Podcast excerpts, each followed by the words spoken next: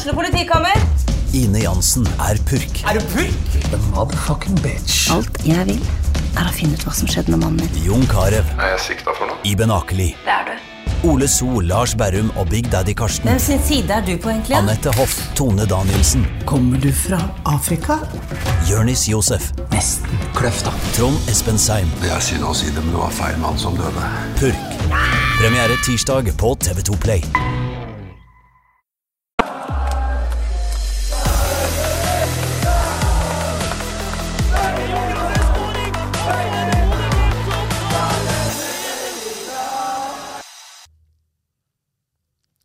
Velkommen til aller første utgave av Studio Glimt-podden.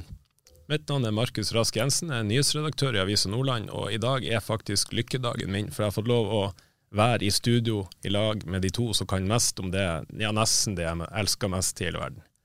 Så med meg i studio i dag så har jeg Freddy Thoresen og Stian Høgland, sportsjournalister i Avisa Nordland. Antageligvis de to menneskene som kan mest om Bodø-Glimt av alle. Er ikke det rett, Freddy? Kanskje de som kan mest om Bodø-Glimt uten å være en eh, aktiv del av herligheta sjøl, kanskje. Vi ser i hvert fall steike masse treninger, masse kamper, blir satt av eh, våre sjefer i posisjon til å følge med veldig tett og veldig nøye. og Forhåpentligvis så tilfører det oss jo en del kunnskap da, om eh, akkurat det laget og spillerne og trenerne, og hvordan de jobber. Stian, hvor mange treninger har du gått glipp av de siste tre årene, utenom Portugal-feriene dine? Nei, det tipper jeg er kanskje 20. Altså, det er, altså, det er sånn vi dropper, vi dropper ofte noen treninger på mandag, eh, sånn restitusjonsøkte, men eh, fra onsdag til lørdag, da er vi stort sett til, stede hver gang. Og det, det gjelder også når vi har fri torsdag og fredag. Så eh, møtes vi ofte på, en, på tribunen der med Freddy med en kaffekopp og, og jeg med ei brus. Jeg er helt enig, dere har litt å gå på på restitusjon, begge to. Men hvis vi ser bort fra det, så um, er jo hensikten og grunnen til at vi står her, det er å gi eh, lytterne våre, som vi håper det blir veldig mange av, eh, et dypere innblikk i hva som foregår i Bodø-Glimt-sfæren. Det er jo et, et fascinerende konsept, egentlig, de har skapt i Bodø. Eh, det er Norges beste fotballag. Det er vel ingen av oss som hadde trodd vi skulle stå her og si det for fem år siden. Men det, det har de blitt. De har uh, erobra deler av Europa. Forhåpentlig så erobrer man mer av Europa eh, de kommende ukene og månedene.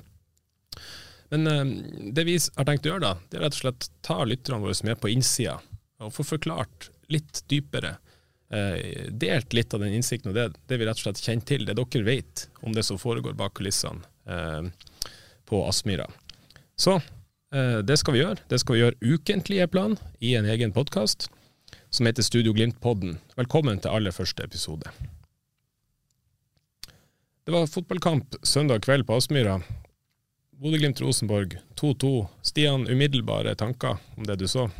Nei, Man blir jo litt skuffa over at det ble 2-2, så, var- så er ikke jeg så veldig overraska over, det- over at det ble det. For det er jo ofte sånn at eh, serieåpning er spesielt. Det er mye som kan skje. Du kom, møter et lag som, eh, som kommer heltent topp til Aspmyra. Var noe vi var helt sikre på, så var det jo at eh, Kjetil Rekdal kom til å ha en ganske tydelig plan for hvordan han skulle straffe Bodø-Glimt.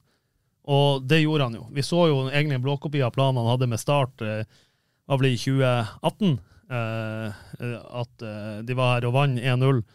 Og det ligna veldig på den, og Rosenborg har bedre spillere enn Start. Så til pause var Glimt heldig at det sto bare 0-1. Kunne vært mer. Andre ganger så er det jo Glimt som er klart best og, og får jo med seg et fortjent poeng og kunne fort, og kanskje burde ha vunnet òg. Vi skal snakke mest om Bodø-Glimt, men jeg er nødt til å, å stoppe, litt, stoppe litt opp på Rosenborg òg. Freddy Thoresen, var det et kledelig Rosenborg-lag vi så på Aspmyra?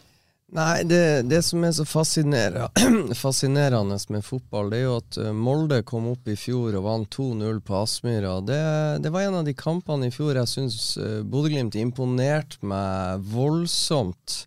Med gjenvinninga si, sto høyt, skaffa brudd eh, der de ønska. Men det er klart det at noe av det vanskeligste i fotball, det er å bryte ned en motstander som ligger og barrikaderer egen 16-meter. og... Rosenborg sin utgave i går minner meg veldig mye om Molde sin utgave i fjor, og jeg minner om hvem, selv om Molde vant 2-0 på Aspmyra, hvem var det som til slutt sto igjen med seriegullet? Det var ikke Molde, det var Bodø-Glimt og Kjetil Knutsen. Men eh, jeg blir ikke overraska over at Rosenborg har den tilnærminga, men det, det, som fascinerer meg, det er at mektige Rosenborg fra Trondheim er så redd for Bodø-Glimt at de må angripe eh, kampen med den kampplanen der, og ligge med hele laget 40 meter fra egen keeper. Og det er lettere å, som jeg sier, bryte, eh, ødelegge for et lag som ønsker å være spillende og skapende, for det er ikke mye plass og rom for Bodø-Glimt å boltre seg i. Samtidig så har Rosenborg en del gode fotballspillere til, som Carlo Holse, som Olaus Skarsem, som Edvard Tagseth, som er steike dyktig og flink og fotrapp til å utnytte i overgangssituasjonene Og de kontringene som eh, nødvendigvis må oppstå. Og eh, det her er jo sånn som Bodø-Glimt uh, møtte Rosenborg da i de periodene Bodø, Rosenborg vant 13 seriegull på rad. Det var jo ikke mulig å spille ut Rosenborg, men det var mulig å lykkes med kontringer. Og i fjor klarte også Rosenborg, med en veldig lik taktikk, 2-2 på Aspmyra, 0-0 på Lerkendal. Tror ikke trønderne jubla så jævlig mye for den fotballen Rosenborg presterte, men jeg registrerer at eh, det er antageligvis optimisme i Trondheim som følge av det Rosenborg presterte i Bodø. Men det er fascinerende. Bodø-Glimt med en 70 ballkontroll og, og, Rosenborg 30. Så det er nye tider i norsk fotball. Stian, er det mulig å vinne serien hvis man uh, benytter den taktikken som Rosenborg gjør mot Bodø-Glimt? Otto Ulseth i Nidaros har jo skrevet en kommentar eh, etter kampen som, uh, der hans påstand er at ja, du kan få med deg et godt resultat fra Bodø, men du vinner ikke serien. Du dominerer ikke norsk fotball med å spille én fotball. Nei, det tror ikke jeg heller. Jeg og Freddy snakka om det etter kampen, at uh, vi er veldig spent på uh, hva skjer når Rosenborg må styre en kamp. For det er ikke mange kamper Rosenborg kan legge seg i en 5-3-2 og, og satse på kontringer. For uh, er det én ting som er sikkert, når Jerv kommer til Lerkendal, f.eks., eller Sandefjord kommer til Lerkendal, så kommer ikke de til å storme i angrep. Da kommer de til å ligge og prøve å, å, være veldig kompakt og tett bakover. Og det tror, da tror ikke jeg Rosenborg får alle disse kontringsrommene som de, de fikk mot Bodø-Glimt, så det, det, det, tror jeg ikke de blir å gjøre, nei. Uh, det er jo Glimt sin jobb å bryte ned et lag som legger seg lavt. Det er ikke bare Rosenborg som kommer til å legge seg lavt, Freddy. Hvorfor klarer ikke Glimt å bryte ned det Rosenborg-laget de møter akkurat søndag kveld? Nå kan du få et steike langt svar, for det det er mange faktorer. Og eh, Bodø-Glimt møtte møtte denne type motstand på Aspmyra i fjor. Sandefjord er for øvrig et av de lagene som har de siste årene løst Bodø-Glimt eh, best. De spiller også en litt sånn positiv fotball i måten de prøver å stenge og nekte rommene til Bodø-Glimt. Det ble vel bare 1-0. Eh, Hugo Vetlesen mener jeg skåra til slutt. Uh, i, i, i, fjor, da lagene møttes på Aspmyra. Men eh, Glimt er vant til det, Glimt er forberedt på det, og Glimt jobber med det her på trening hver bidige dag. Grunnen til at eh, Glimt kanskje ikke var helt outstanding i første serierunde, er flerdelt, etter min vurdering. Det har vært ei av de mest uryddige treningsukene jeg har sett på lange tider med Bodø-Glimt, som inngang til seriestart, og noe skyldes Eh, fravær av landslagsspillere. Alfons Samsted og Elias Kristoffersen eh, Hagen hadde bare fredag og lørdag å trene med gutta etter at de sjøl hadde vært og Alfons hadde vel vært og spilt kamp mot Spania og tapt 5-0, og Elias var og tapte mot Østerrike sitt U21-landslag. Så kort tid til å eh, trene med de andre. Det må Glimt lære. Men eh, Ola Solbakken har ikke trent. Eh, Runar Espejord har ikke trent all verden med de andre. og Joel Mvuka og, og, Lasse Nordås har også vært på reise. og Grunnen til at jeg tar nå og trekker frem seks navn, er at en av hemmelighetene til Bodø-Glimt og en av forklaringene til at Elias Kristoffersen Hagen kan gå rett inn og Patrick Berg forsvinner til, til Frankrike, og gå rett inn i rollen til Patrick og overta den, så skyldes jo det at Elias Hagen har spilt mot Patrick i ett og et halvt år og sett på Patrick, blir matcha mot han, og det er ikke noe dårlig spiller han matches opp imot. Det er mye læring for uh, Elias. Han tar steg, og han plager også Patrick og er med og bidrar til at Patrick får lettere spillerom kanskje når han uh, møter ut uh, på, på, banen i kamp i Eliteserien. Så en av hemmelighetene til Bodø-Glimt sin suksess er den krafta og det trøkket og den energien de elleve som ikke starta, viser de elleve som starta. Om det er fem mot fem, så blir det satt opp litt sånne like kombinasjoner underveis, både på storbanespill og spill på mindre flater. Så eh, av og til er motstand så tøff på trening at eh, det blir, eh, oppleves lettere for Glimt-spillerne når de kommer ut på mye større plass og, og, eh, og møter et lag i andre drakter. Så det at det har vært landskamppause, som også var noe Bodø-Glimt i fjor høst, som var en suksessfullt høst, brukte en kamp eller to på å fyre på alle sylindere. Så i sum her, så den uryddige treningsuka med mange, mange fravær, og da tro at Runar Espejord skal være helt outstanding etter nesten ikke å trent med resten av laget hele uka. Det samme med Ola Solbakken osv. osv. I sum så var det et mindre kraftfull Glimt-utgave som serieåpna mot uh, Rosenborg. Og det var et par deler, Stian, du kan jo følge opp litt. Det er et par deler av spillet som er mer skuffa enn det spillemessige. For akkurat er detaljene og treff på pasningen når, eh, i kampens heter, når det går som, som raskest, så er det nå duellkraft, duellvilje, det å, det å vinne andre baller. Det syns jeg var en mangelvare som det burde være mulig å være litt mer eh, på hugget på og stå stasjon på, og ikke la seg vippe ut av Rosenborg-spillerne. Det ser jeg ingen grunn til, uansett hvor svak treningsuka kanskje var. Nei, helt enig der, og, og det var jo også når Kjetil var, var inne på i pausen må, i, på Discovery, at gjenvinningsspillet er for dårlig. Og det er jo ofte når Glimt er god, så er det gjenvinningsspillet. Det vil jo si med en gang de har mista ballen de første tre-fire sekundene. Når Glimt vinner ballen tilbake, da, da får du ofte tatt motstanden i ubalanse, for da er de sjøl på vei fremover. Og det var ikke godt nok. Og det var mye bedre i andre omgangen, og det, da tok de jo mer over òg.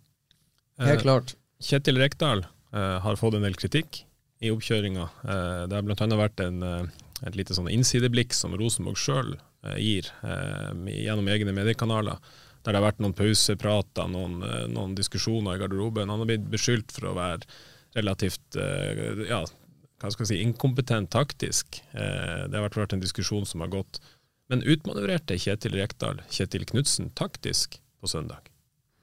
Det vet jeg ikke om jeg vil si, men, men at Kjetil Rekdal hadde, hadde, en ekstremt god kampplan, det er det ingen tvil om. Og så er, er, det jo det som, som man har snakka om, at Glimt de kjører plan A. Og funker ikke plan A, så er det om å gjøre plan A bedre. Eh, de, de, gjør, de, gjør, det samme, og jeg, tror, jeg, føler at det går mer på at det, det mangler den siste lille spruten, både i, i, i gjenvinning, i, i pasning og ikke minst i løp og trøkk i de løpene. Og det er jo vel, fryktelig nært mange ganger at Glimt kommer altså De kommer jo inn i feltet en del ganger. Hugo har en på høyre, uh, Ulrik Saltnes har en på venstre, hvor han drar seg helt ned til linja. Ola Solbakken har flere hvor sistepasninga mangler. Så, så, om de ble utkonkurrert ut, taktisk, det vet jeg ikke, men, men, at han hadde en god kampplan, ja, det hadde han. Eh, du nevner plan B der. Det er jo sikkert mange som eh, ikke kan så mye fotball som Kjetil Knutsen eller de to herrer jeg har med meg i studio i dag, som tenker ok, jeg legger Rosenborg seg veldig dypt. De prøver å forsvare egen boks. Vi har en ekstra spiss vi kan hive innpå i Victor Boniface, som jo i hvert fall gjorde seg fysisk gjeldende når han kom inn. Kom til en brukbar sjanse etter et innlegg. Eh, bør Glimt tenke plan B oftere i sånne situasjoner, eller er det bedre å stå fast ved plan A? Og Du tenker da på å spille med to spisser? Eller å la Viktor spille på venstre og, og, jukse litt inn i feltet tidlig, som de har gjort et par anledninger tidligere. Espejord sin goal er jo et resultat av et innlegg på bakerste som han på uh, imponerende vis har sett. Um, jeg er veldig usikker på om, om det er rette veien. Uh, ja, i enkelte kamper vil det kunne funke. Vi så uh, hvis vi går tilbake til 2020, den første kampen Glimt virkelig sleita hjemme mot eh, Kristiansund, så gjorde Glimt det grepet og satte Victor Boniface på venstre kant. Men det er vel omtrent sist gang vi har sett han der. og Du får en annen trøkk med Victor, det er det ingen tvil om. Samtidig så, så syns jeg jo det har funka ganske bra, og, og Runar skårer jo etter 70 minutter. Vi hadde vel ingen og så trodde han skulle stå 70 minutter eh, mot Rosenborg, og jeg syns jo han så overraskende pigg ut i forhold til hvor lite han har trent. Eh, så jeg syns, eh, jeg syns, ikke Glimt bør ha noen panikk i forhold til å endre for mye på det. De, de har ofte vist seg at det er på slutten, når de har flytta ball, flytta fra side til side eh, hele kampen, så blir motstanderen sliten, og så får du plutselig den lille halvmeteren som du trenger, og da får du den store sjansen og målet. Freddy, du som ser hva de jobber med i treningsarbeidet. Du kan jo kanskje si noe om eh, hvor mye er man i det hele tatt opptatt av å ha en plan B, altså endre, endre spillestilen, gjøre noen taktiske grep, eh, riste litt i posen når det ikke helt funker? Jeg tror, eh, jeg tror eh, Bodø-Glimt tok sølv i 2019, de tok gull i 2020 og de tok gull i 2021. Og de er fortsatt med i Conference League, som er da første gang eh, Bodø-Glimt er med i et gruppespill i Europa. Og jeg har fortsatt til gode å, å se Bodø-Glimt øve på trening på en, på en, plan B. De øver på plan A hele veien. Det gjør den elveren som til enhver tid er Knutsens førstevalg, og det gjør elveren som matcher eh, startoppstillinga til Kjetil Knutsen, sånn at de skal, alle spillerne i den andre elveren skal vite sine arbeidsoppgaver når de eventuelt slår seg inn i elveren. Så og så kan vi jo ta litt den der diskusjonen som jeg vet det er en del om på tribunene på Aspmyra. Det var vel eh, nesten 6500 i går, og mange savner jo kanskje Victor Boniface oppe på topp fra start. og jeg føler meg rimelig sikker på at grunnen til at Kjetil Knutsen velger Runar Espejord, er at Runar Espejord er veldig mye lettere å spille med for sine medspillere. Victor Boniface ser ganske spektakulær og kul ut for oss som sitter og følger kampen eh, fra tribunen, men jeg tror at folk må prøve å legge litt merke til at han, han, er ikke så Han er kul å se på for oss, men han kan være litt vanskelig å spille sammen med for de andre. Og eh, en av nøklene til Glimt sin suksess er jo måten Erik Botheim i fjor og Kasper Junker år, året før der er spydspissen som, som, starter presset, som skal på en måte sørge for at motstanderen settes i et jerngrep. Et, et uh, press som er ganske nøye inn, innøvd av Glimt-spillerne, som gjør at det blir lettere for kantspillerne å følge på, i forhold til de signalene Kasper Junker gjorde, i forhold til signalene Erik Botheim ga, og i forhold til signalene som Runar Espejord setter, som er veldig bra nå. Og i den delen av spillet som er ekstremt viktig for Bodø-Glimt, så er Runar Espejord steike mye bedre enn Victor Boniface per nå. Lettere å lese for, for medspillerne osv. Så, videre. så jeg tror nok at vi må smøre oss med tålmodighet og la og, og bare innse at Runar Espejord er førstevalget, og så, så, får vi glede oss over de minuttene eh, Boniface til enhver tid kommer til å få, og så får vi håpe at eh, Boniface sjøl bli flinkere til å innordne seg eh, de rytmene og de mønstrene og de rammene Glimt-spillerne er satt til å jobbe i. Ja, for, å, for å forklare enda nærmere liksom f.eks. det presset som vi snakker om. Når spissen til Glimt går opp, f.eks. en høyrefota stopper som spiller venstre stopper, så er jeg ganske tydelig på at de ønsker å presse han sånn at pasninga skal gå ut mot venstre back eller mot venstre midtbane. Hvis Runar Espejord da sprenger mot høyrefoten hans og, og låser av pasninga inn mot sentral eller andre veien på høyre indreløper, så er det ganske lett for Glimt, eh, resten de bak han, å skjønne at de må ta steget over mot uh, si egen høyreside. Men hvis da Viktor ofte gjør det samme, og helt på, til, til slutt så sprenger han til høyre, så kan pasninga komme motsatt vei, og da liksom hele laget flytter seg etter til den ene sida, og så blir det plutselig rom der de ikke vil ha rom. Og da kan du bli hengende litt etter. og det, vet vi, det jobber de jo veldig mye med Viktor, og, prater mye til han bakfra på banen. Høyre, venstre, hvor de vil ha han i presset. Så han er vanskeligere å lese for motspillere, men også vanskeligere å lese for medspillere? Helt klart og så er han steike artig å se for oss på tribunen når han herjer offensivt. Men uh, den defensive jobben er, som Stian er inne på, detaljene i det å lese og skjære av vinkler og låse av fot for sånn at de andre skal vite hvor de står. For med Viktor kan du plutselig oppleve at han gjør noe som de andre ikke forutser, og da blir det lettere for stopperen å spille ballen til høyre istedenfor til venstre. Og der er det ingen gule som følger på i presset, og der er det rom for motstanderen. Og det er jo nettopp disse rommene, rommene de ønsker ikke å gi bort. Jeg skal utfordre dere litt. Vi skal straks videre fra kampen mot Rosenborg og se litt fremover. og Vi skal snakke litt om tilstanden til Bodø-Glimt og hvordan, hvordan ståa egentlig er. Eh, vi har vært litt inne på det, men vi skal litt dypere der. Men først, før vi gjør oss helt ferdig med Rosenborg, så har vi noen ting vi må ta. Noah Holm, rødt eller ikke? Skal, jeg var veldig klar, og jeg har vært veldig klar på, på den. Eh, nå har jeg bare sett den én gang, eller tre ganger, med samme kamera. Det var vel et mobilkamera der. Eh, men i min verden så er den første taklinga for Marius Høybråten et klokkeklart rødt kort. For han kommer med strak fot, han treffer han midt i leggen. Eh, det er kraft, og det er fart, og, og, ikke, og det er uvørent. Det er utsatt motspiller for fare, og ikke nærheten av ballen. Klink rødt kort. Eh, så, eh, så, så jeg er enig i at den andre kan diskuteres. Er det strengt med et gult kort der? Er det i og med at han har gult fra før? Han ville ha fått gult kort på dem hvis han ikke hadde det fra før, så sånn sett er det jo egentlig ikke noe å diskutere, men for meg er det den første situasjonen den største feilen, for det mener jeg er et klokkeklart rødt kort.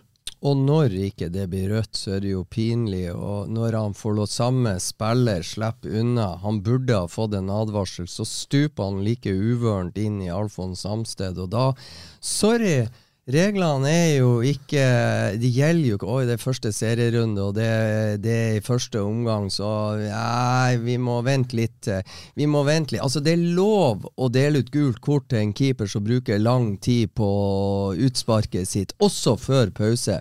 Ikke bare når vi begynner å nærme oss tilleggstida. Så reglene er jo de samme. Så her er det nå jeg holdt på å si Bodø-Glimt har litt å gå på i forhold til sesongstart, for de var ikke helt klar. I hvert fall ikke i duellspillet. Så har dommer Espen Eskås kanskje bitte litt å gå på, han også. Jeg må si at jeg syns Espen Eskås for å ha det sagt, er, er, Norges kanskje beste dommer, har vært det i flere år. Syns i fjor var han helt, helt, strålende. Han hadde ikke en god kamp på, på Aspmyra. Ja, jeg syns også Espen Eskås er en veldig god dommer.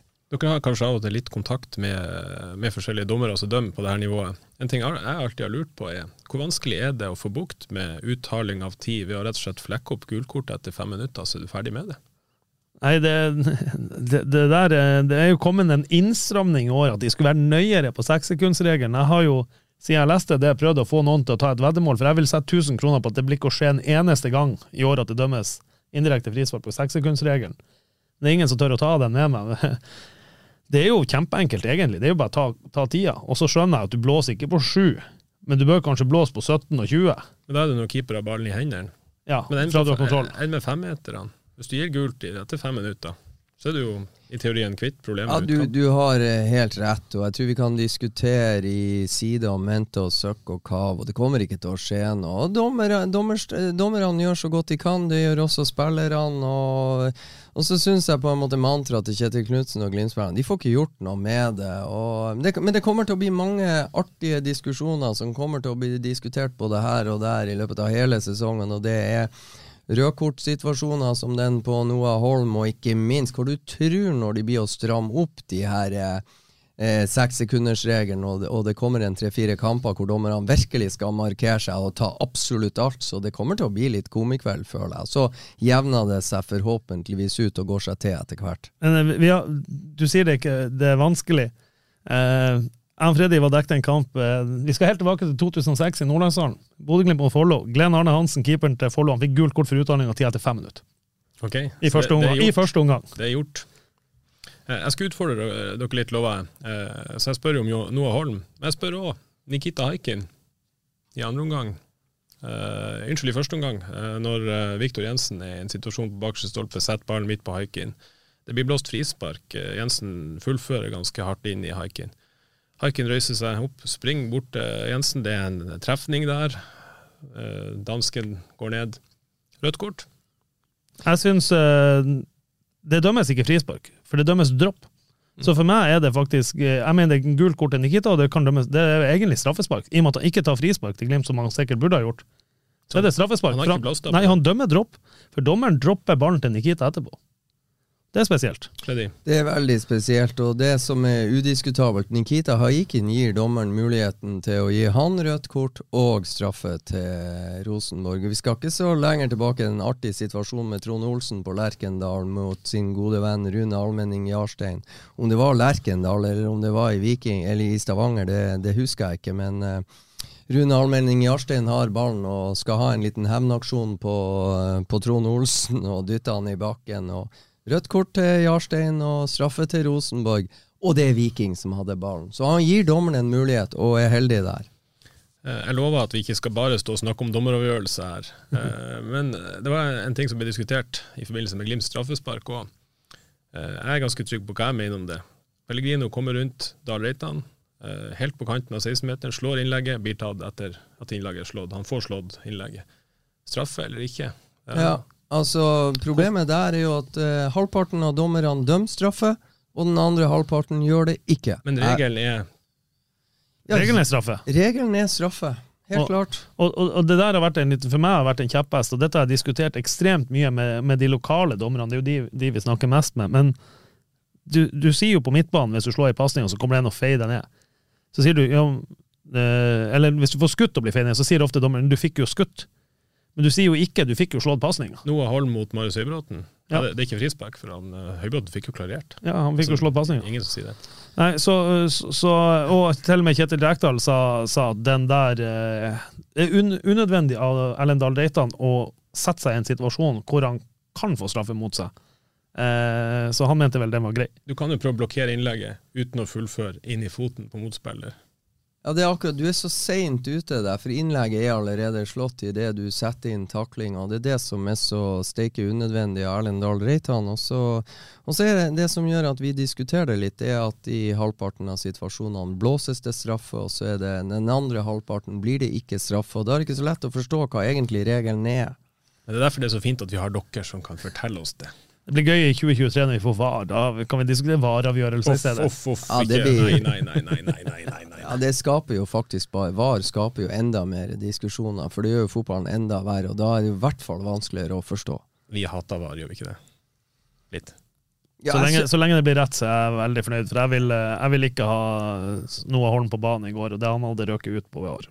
Ja, men kan sitte og vente i ti minutter på Aspmyra mens, eh, mens vi skal diskutere. Bare, bare kampen er god nok, så må VAR bruke så lang tid de bare vil. Men da må de pinadø komme opp med en forståelig avgjørelse også. Det syns jeg er problemet med VAR. Ikke at det tar tid, men at, eh, at eh, 40 000 sitter på stadion og skjønner ingenting over hva i alle dager er det noen regler vi ikke har hørt om. Det syns jeg er problemet med VAR, og ikke minst vi foran TV-skjermen. Ja, og Så må de få seg et bedre tegneprogram enn MS Paint når de skal tegne de her offside-linjene. Ja, det er det ingen tvil om. Ja, og så syns jeg med VAR så kan de kutte ut og måle på centimeteren. luft. Eh, ja, det må jeg si. Tjukkere streker og luft, så er det veldig enkelt. Yes. Nå setter vi strek for dommerdiskusjon, og så skal vi straks se, se litt på hvilken tilstand Bodø-Glimt er i.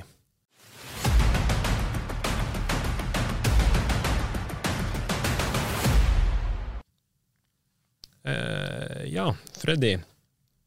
Hvor er Glimt i dag? Hvor mange prosent av sitt maksnivå var det vi så mot Rosenborg?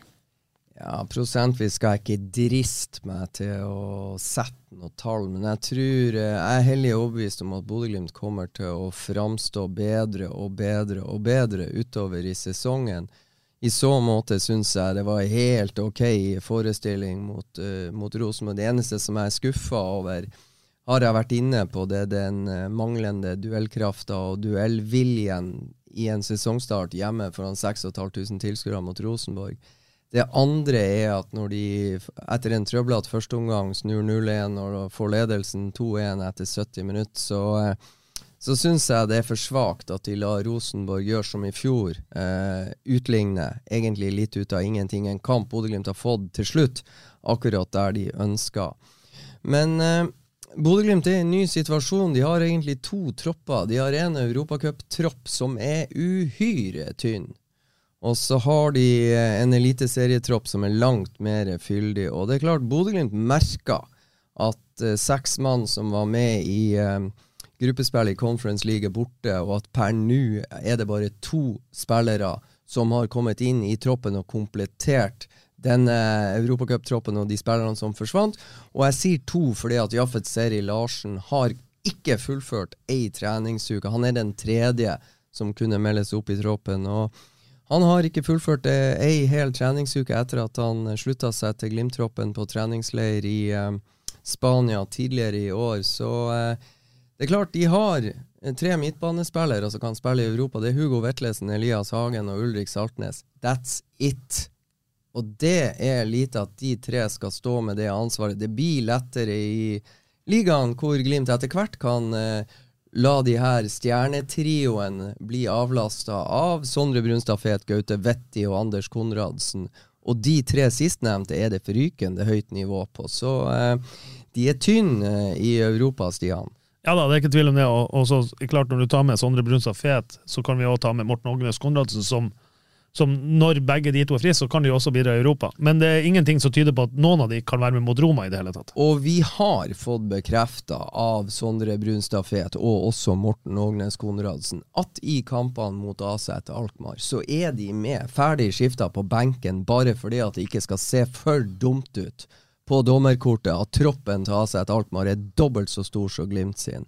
Men det er altså realitetene. Og, det, og, og akkurat det her Og Bodø-Glimt har aldri som klubb vært i denne situasjonen. De er midt de står midt oppi egentlig tidenes mest spesielle preseason for egen del.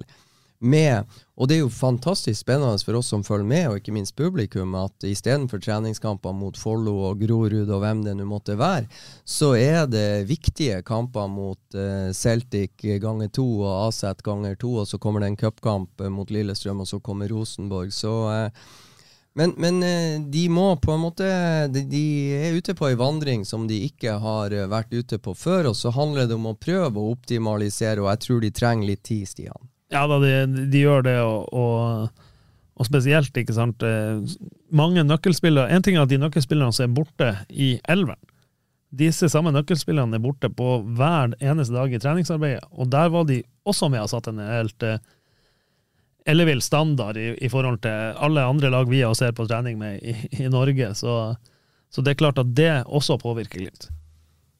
Ja, og der er vi jo midt i kjerna på noe av hemmeligheten til, til Bodø-Glimt. Det, det, er nettopp den der spissinga de klarer å få til på, uh, i egen treningshverdag, og det tempoet, den intensiteten og det trøkket de, de jobber med når troppen er fulltallig og i det hele tatt.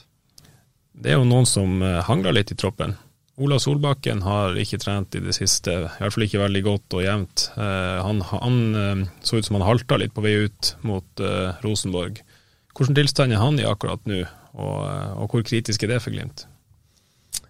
Ja, altså Stian, du kan jo begynne litt med hva du vet om den eh, ankelskaden til, til, Ola Solbakken, i tillegg til at det er en skade han hadde med seg fra Ranheim til Bodø, og som det gikk veldig bra med veldig lenge, helt til de møtte AZ Alkmaar.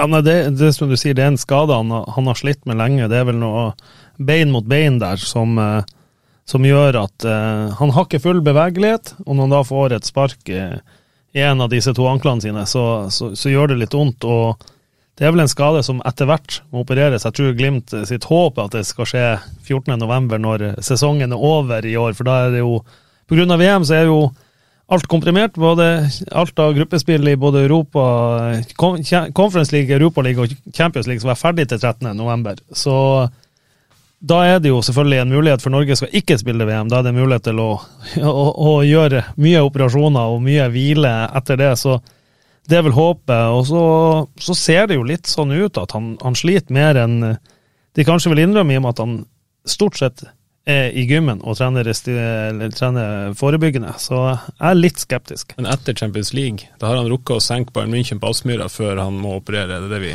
vi satser på? Ja.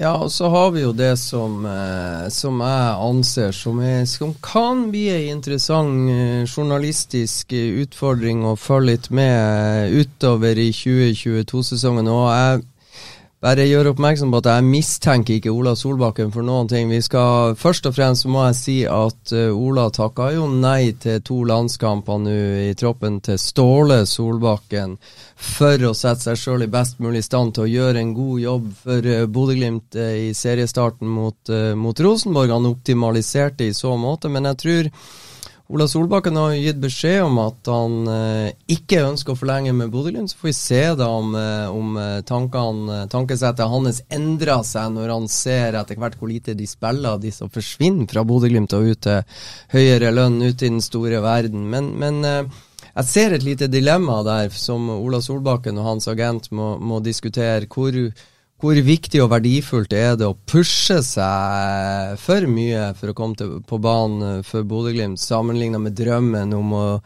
komme seg ut og tjene store penger. Så um, det kan skje ting utover i sesongen som, som gjør at uh, ja, det blir spennende å følge med. Det kan være et scenario, tenker man, der man, eh, der man f.eks.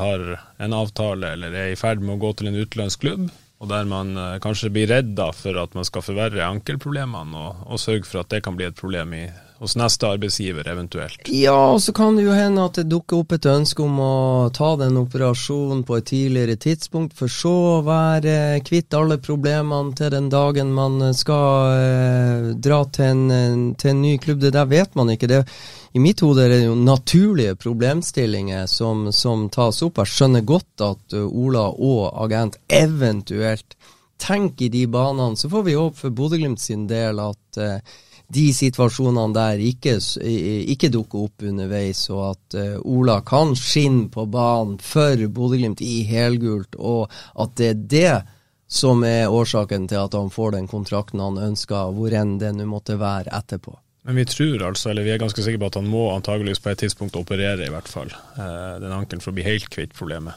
Det er i hvert fall grunn til å frykte det. Ja, det, det, er vel mye som tyder på det, uten at man Det er vel ingen i Glimt som De er jo blitt ganske strikte på at de ikke vil De vil ikke snakke så mye om hvor er det folk er skada. Eh, det er derfor ikke vi eh, jeg holdt på å si for, si for, mye om det. For, det. for det er jo sånn at eh, toppidretten er jo så kynisk nå at eh, hvis noen vet at uh, holdt på å si, Ulrik Saltnes sliter med venstre skulder, så er den første duellen han får mot eh, Roma, er venstre skulder. Det kan du være helt sikker på. Og jeg gjør oppmerksom Jeg vet ikke om det er høyre eller venstre ankel Ola sliter med, faktisk. Nei. Og jeg syns han skjuler jævla godt i kamp også hvilken ankel han har vondt i. Jeg kan gjette etter å ha sett han gå av banen mot Rosenborg, men vi kan jo snakke om noe hyggeligere. Eh, Runar Espejord eh, skåra mål, i motsetning til det han har gjort de siste årene i Tromsø. Eh, men hvor lang, hvor lang, tid tar det før vi får se Runar Espejord på sitt aller, aller beste fysisk i Glimt-drakt, tror vi?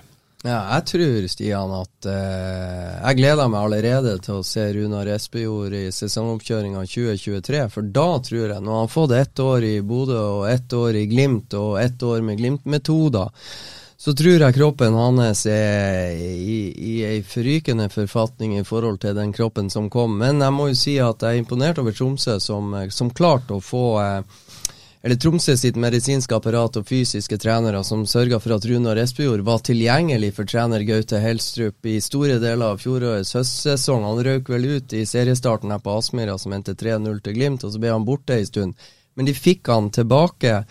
Og så syns jeg det er gledelig at uh, Runar Berg Nei, Runar Berg, sier jeg. Runar Espejord med mm, i Eh, de løpet av de første månedene i nye omgivelser i Bodø, og det å skal akklimatisere seg til Glimt sin måte å gjøre ting på, fortsette, eh, eller fortsette å produsere målpoeng. Han skåra i debuten mot Celtic, han skåra mot Lillestrøm og satte opp 2-1-målet til, til, Elias Kristoffersen Hagen. Og i seriestarten her på, eh, på mot Rosenborg så var han også satt inn 2-1. Så selv man, som han sjøl poengterer, Stian, han er ikke langt unna toppform, så, så er det mer enn godt nok til å skåre mål for Glimt.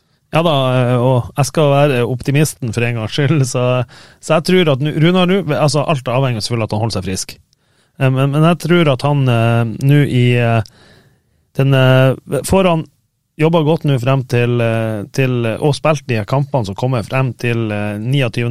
mai mot Molde, så tror jeg Runar Espejord etter hvert eh, kan få, eh, få ekstremt eh, bra eh, form inn i Champions League-kvaliken. For da får han, får han ordentlig kjørt seg, og så skal de i en liten pause, og da får han formtoppen. Ja, godt, godt poeng, og jeg følger deg all the way. og så Det er derfor jeg, jeg synes det, det, Noe av hemmelighetene til Bodø-Glimt, det var vel en jeg må tilbake til første uka i Nordlandshallen i 2019-sesongen. Da så vi at det var et eller annet på gang, for jeg har aldri sett et sånt tempo, et sånt trøkk og, og, en sånn go. Og, og, så Du så at alle hadde lagt ned en voldsom innsats i ferien, så det var egentlig en ny gruppe som kom tilbake til oppkjøringa i 2019. Så, så, hemmeligheten er jo der, og det handler om at de skal tåle det regimet de står i hver dag. Mm. Eh, det er jo andre som er ute med skader, altså det er andre som plages litt fysisk, kanskje en etterdønninger etter en knallhard fjorårssesong. Uh, Ulrik Saltnes har, uh, har plagdes litt i fjor. Uh, ser kanskje ikke 100% fit ut, sånn som han kan være på sitt aller beste. Sondre Fete er ute, Morten Konradsen er ute.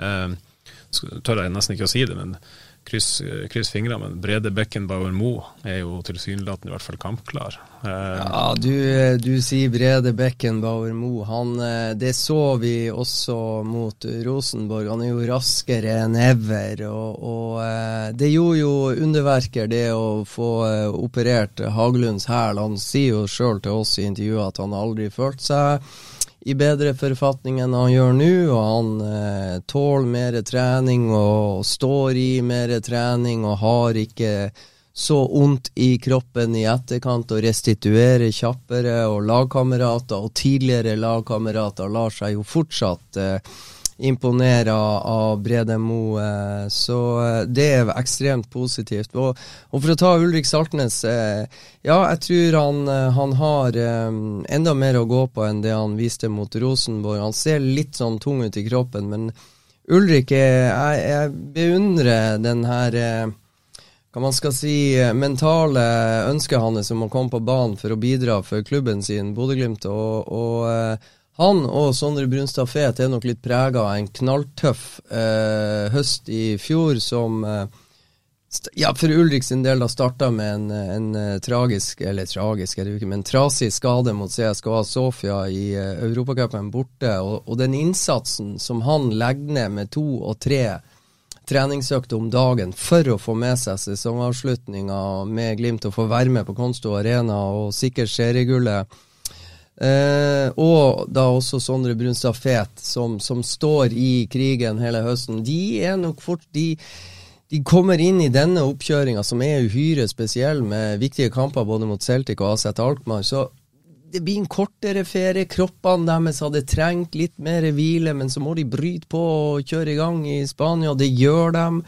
Så, og Ulrik har jo, sliter jo med en litt hofteleddsbøyer og, og, og, den slags, så, så, får vi se. Men uh, han, jeg skulle ha likt å visst hvor mange timer han bruker utenom de, de, timene på treningsfeltet som jeg og ser på Aspmyra, som han bruker utenom både før trening, etter trening og behandling for å sette seg i stand til å yte det han gjør mot, uh, mot Rosenborg. Og Stian, du hadde jo noen interessante observasjoner det siste kvarteret på Aspmyra nå. Ja, altså vi, vi, var jo alle på, litt på om Ulrik.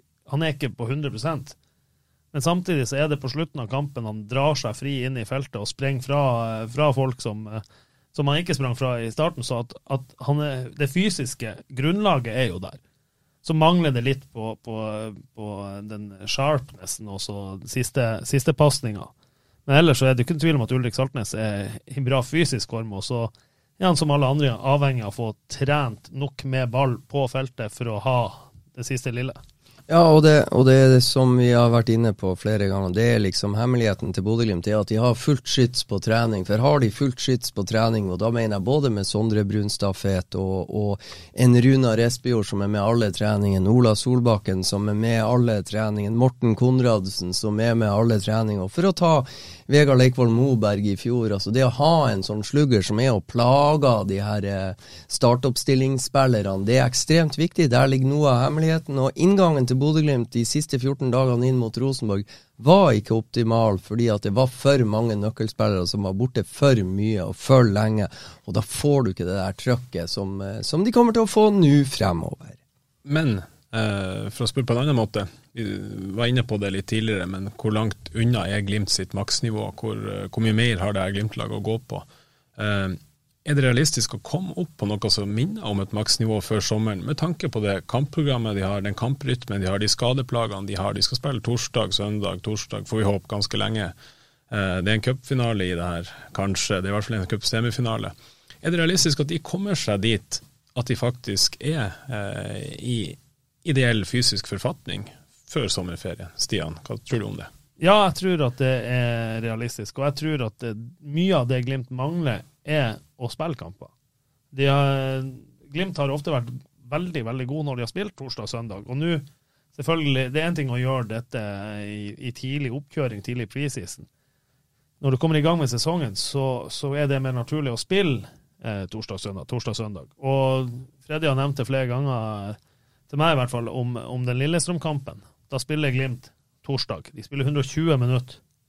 Men du ser bare de maler og maler og maler mot, Rosenborg, nei, mot Lillestrøm. Det er et helt annet eh, sharpness mot Lillestrøm enn det etter to uker pause, landslagspause, før de spiller mot, uh, mot Rosenborg. Så Glimt-supporterne har ingen grunn til å gå rundt og være bekymra for at nå maler vi Sund kroppene til spillerne. Nå går alt til Nei, men altså, der er eh, Sondre Brunstad Fet må tilbake på feltet. Morten Kohn må tilbake på feltet. Runar Espejord må absorbere den belastninga 90 minutter i Eliteserien gjør, og det samme med Ulrik Saltnes. Og de må være heldige med, med den behandlinga som gjøres imellom slagene. For når kampene kommer, og kampene kommer tett, så kommer Glimt til å spille seg i form gjennom kampene.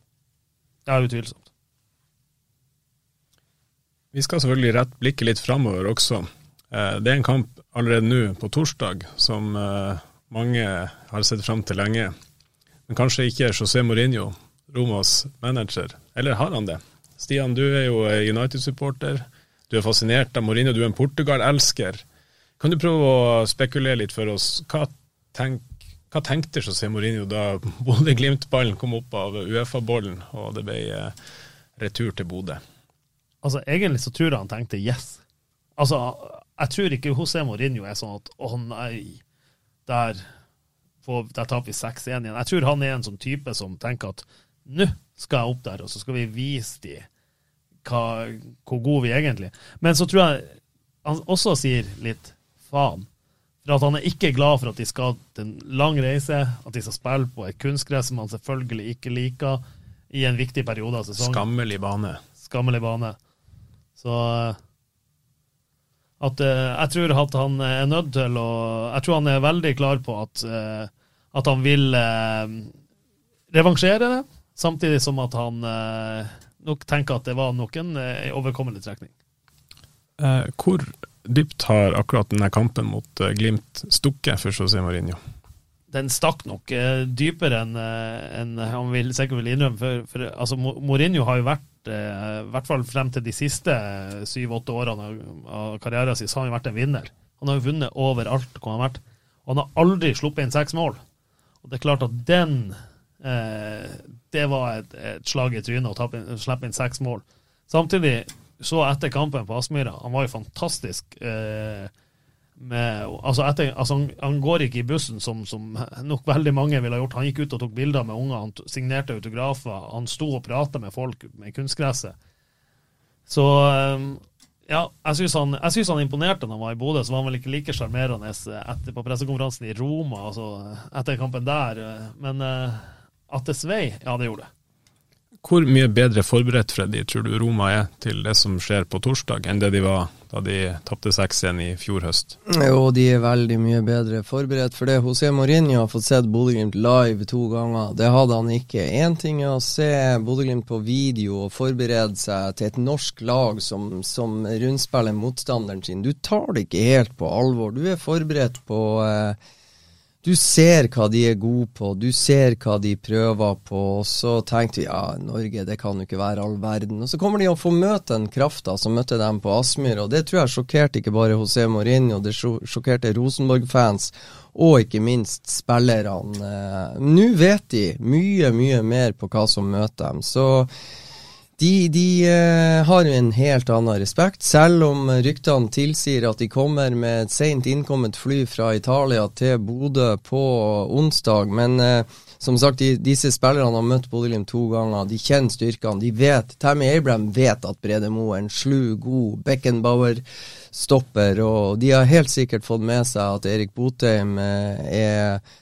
for tiden klubbløs, uh, så, og at Runar Espejord kan være grei å, å, å, se opp for. Så uh, de er bedre forberedt. Jeg tror de kommer med en helt annen kampplan. Jeg tror uh, Mourinho kommer til å vise ja, litt sånn som Rosenborg gjør, mur igjen bak og være giftig på kontringer. Og det har Roma spillere til å gjøre. Så, og så må jeg bare si, du spurte om eh, José Mourinho sin stolthet ble såra. Ja, det tror jeg den ble, men du verden, det er mange Roma-fans som hadde såra stolthet. For tenk nå bare på vår egen Børje Klæbo Eidisen Drar med Glimt-drakt til Manchester i vinterferien for å se på favorittlaget sitt, og kommer nå surrende ned gatene i Manchester med en Bodø-Glimt-drakt. Og det er jo selvfølgelig en engelsk nisse som ser Is that a Bodø-Glimt-jersey? Yes, svarer Børje Klæbo Eidisen. La meg ta et bilde av deg. Jeg skal sende til en kompis i Roma som heier på AC Roma. Så der er vi. Så jeg tror jo han Roma-supporteren som fikk det bildet tilsendt av sin engelske venn, er pissed når han ser bilder av en glisende Børje Klæbo Eidisen i helgult. Og der må jeg bare si, Vi møtte jo en fantastisk vi jo, eh, når vi landa i Roma, så ble, hadde vi en sjåfør som kom og henta oss på flyplassen. Han var Lazio-supporter. Eh, jeg lagra aldri nummeret hans, jeg fikk aldri nummeret hans. Han fikk aldri mitt nummer. Og her for noen uker siden så kom det jo på WhatsApp, fikk jeg noen meldinger fra, en, fra italiensk nummer. Da var det bilde av han og noen andre Lazio-supportere på Olympiastadion med Glimt-effekter, som sto med Glimt-flagg og, og, og jubla for uh, For de fikk mye fans i Roma òg, i den lyseblå delen. Ja, det er helt ellevis. Og Lazio-fansen er jo hysteriske i glede. De tapte jo 0-3 mot Roma, og der ser en sånne her antydning, ikke sant. Celtic vinner 3-0 over eh, Glasgow Rangers etter å lede 3-0 til pause. Roma vinner 3-0 over uh, Lazio etter å lede 3-0 til pause. Så skal de jo møte Bodø-Glimt, og så går det fullstendig til helsike. Oi, oi, oi, her er vi på jinx-nivå. Her er ikke jinx i det hele tatt. Det jo, altså, Celtic hadde jo ikke tapt på 100 år. Aset hadde et lite tap hjemme mot, uh, mot Ajax. De tapte vel siste tapet før de tapte mot Ajax før de møtte Bodø-Glimt. Det var jo 22. november mot Feyenoord borte og, og hadde la, fire, 14 seire på 15 kamper, så kommer Bodø-Glimt og stopper alt. Så sorry, Roma. Dere er i kanonform, men det stopper på Aspmyra. Og de kommer onsdag kveld, tror vi. Tror vi. Eh, vi vet vel at de gjør ca. det samme i kampforberedelser når det gjelder hotell Altså the same procedures every year for Ja, det er ikke lov å si det, men de skal bo på Scandic eh, Havet, sies det. Ja. Uoffisielle kilder. Kan ikke bekrefte. Nei, vi, vi, vi, har bare sett, vært inne og sjekka på Avinors side, og der er det jo to fly fra Roma som lander 1910 på onsdagskveld, men så er det jo kommer Roma med fly, eller kommer de med buss? Det er jo det er mange som lurer på om det ikke ja, kommer en buss. Hva du tror Markus? Kommer de med buss? Har de bussen med? Jeg tror den bussen blir parkert på 16-meterstreken til Bodø-Glimt. Eh, nei, til, til, deres egen 16-meterstrek eh, på Aspmyra, der tror jeg den forblir. Eh, det er jo noe med inngang. Vi snakker om det å bryte ned motstanderlag. Det kommer de jo i aller høyeste grad til å bli nødt til å gjøre for å slå Roma. Roma kommer ikke til å komme ut her og ta tak i kampen og styre. Gjør de det, Freddy? Jeg tror Roma kommer for å skape et godt utgangspunkt, og så skal de avgjøre hjemme på Olympiastadion. Og da må jo Glimt lykkes å være mer eh, nøyaktig i de siste tredjedelen og nest siste pasning, for de kommer til å få færre sjanser mot Roma, men de sjansene som de kommer til å spille seg til, må de ha mye mer fart, mye mer kraft, mye mer besluttsomhet, mye mer samtidige bevegelser, og så må pasnings- eller ballfører ta oftere riktig valg til riktig tidspunkt enn tilfellet var mot uh, Rosenborg. Og det fine er jo det at uh, jeg tror at Glimt kommer til å være hakket bedre enn uh, i sesongåpninga hjemme.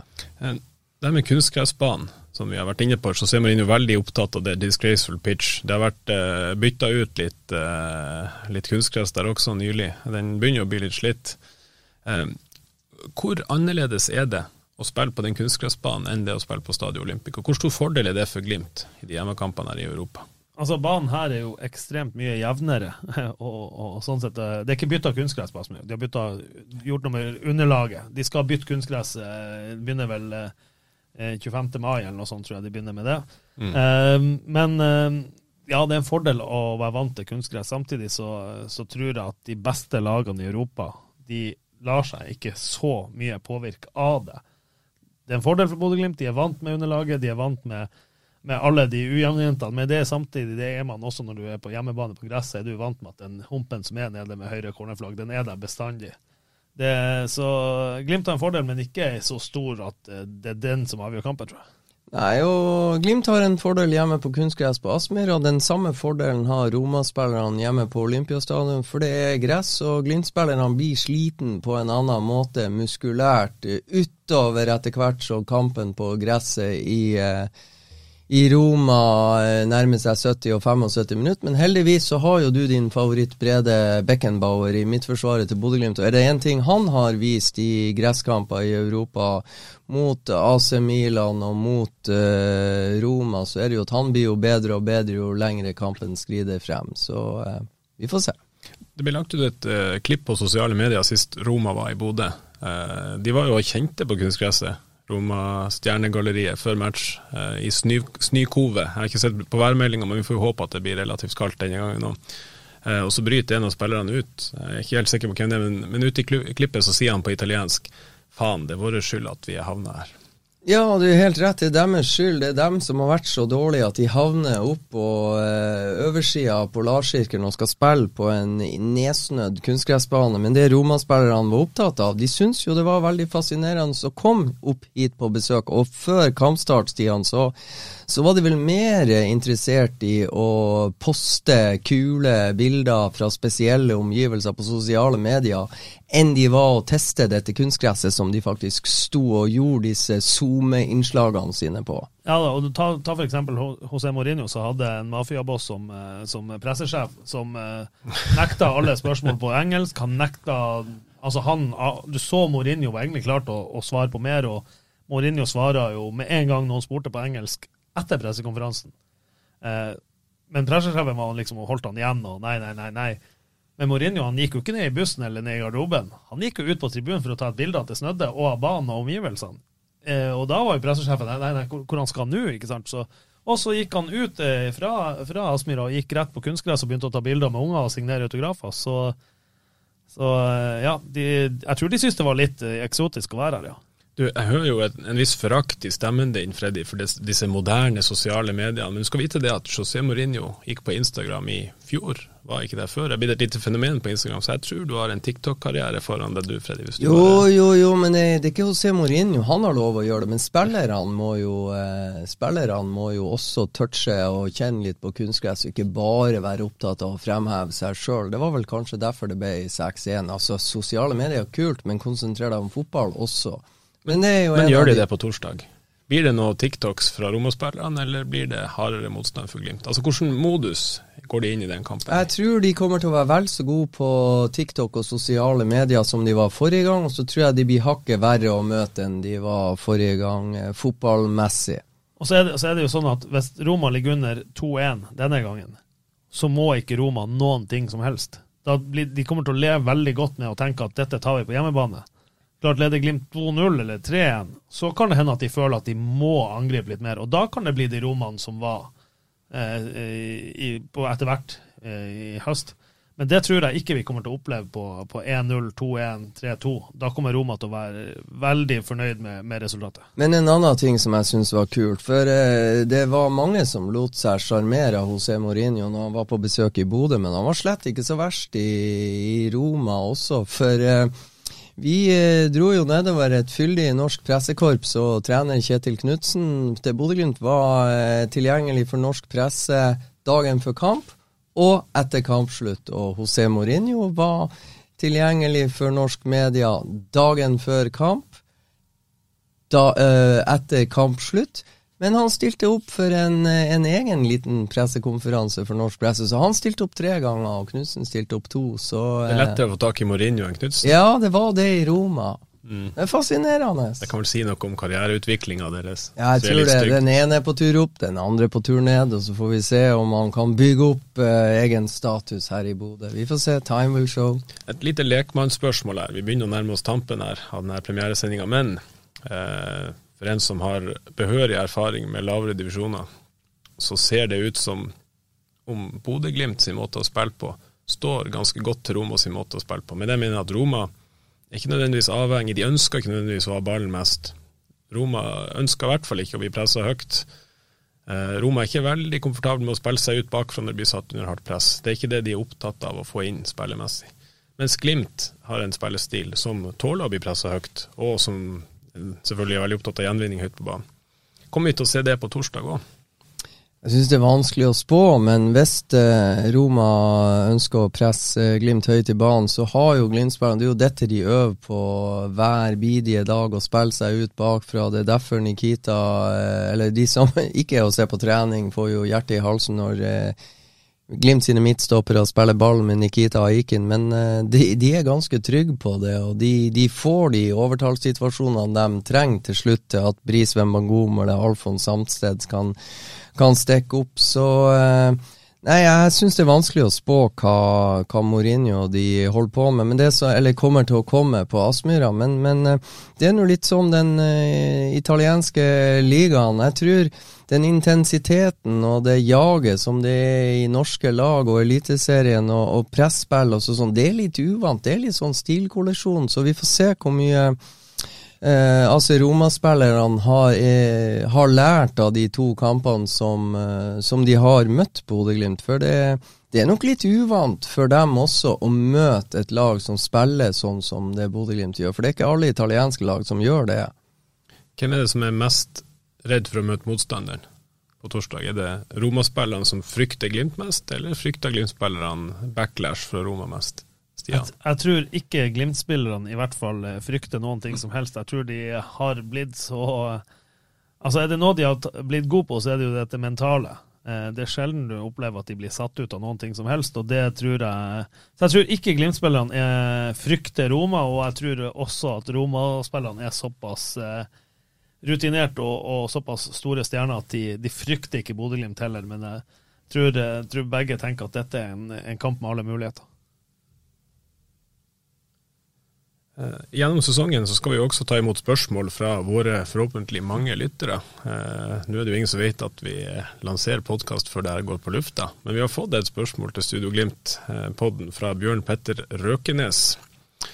Han spør rett og slett hvordan ser treningsuka til Bodø-Glimt ut i perioder når det er kamp søndag, torsdag, søndag. Så vi kan jo ta det som et lite pilotspørsmål, og så kan vi oppfordre folk til å melde inn både spørsmål og ting de ønsker at vi skal snakke om i podden gjennom sesongen. Men Freddy, treningsuka til Bodø-Glimt, ja, det, det, er jo det som Vi har vært litt inne på det. Nå er jo Bodø-Glimt denne sesongoppkjøringa til, til 2022-sesongen Den er ekstremt spesiell med tellende kamper tidlig, tidlig, tidlig mot uh, Celtic og Aset. Uh, og så, uh, så tror jeg at Glimt kommer til å bruke litt tid nå på å tilvenne seg klimaet med to kamper i uka, nå etter hvert som Eliteserien kommer i gang. Men når de har gjort unna den første bølgen, så er det svaret på spørsmålet til Røkenes egentlig når Glimt For å ta høsten i fjor da som sammenligning, så spilte Glimt kamp torsdag.